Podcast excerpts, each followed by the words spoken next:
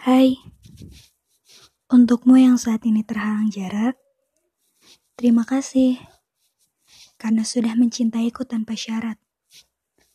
Terima kasih juga karena sudah mau berbagi tawa bersama.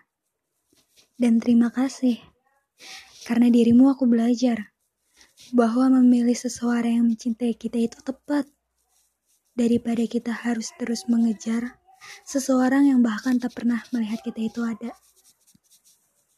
Terima kasih ya.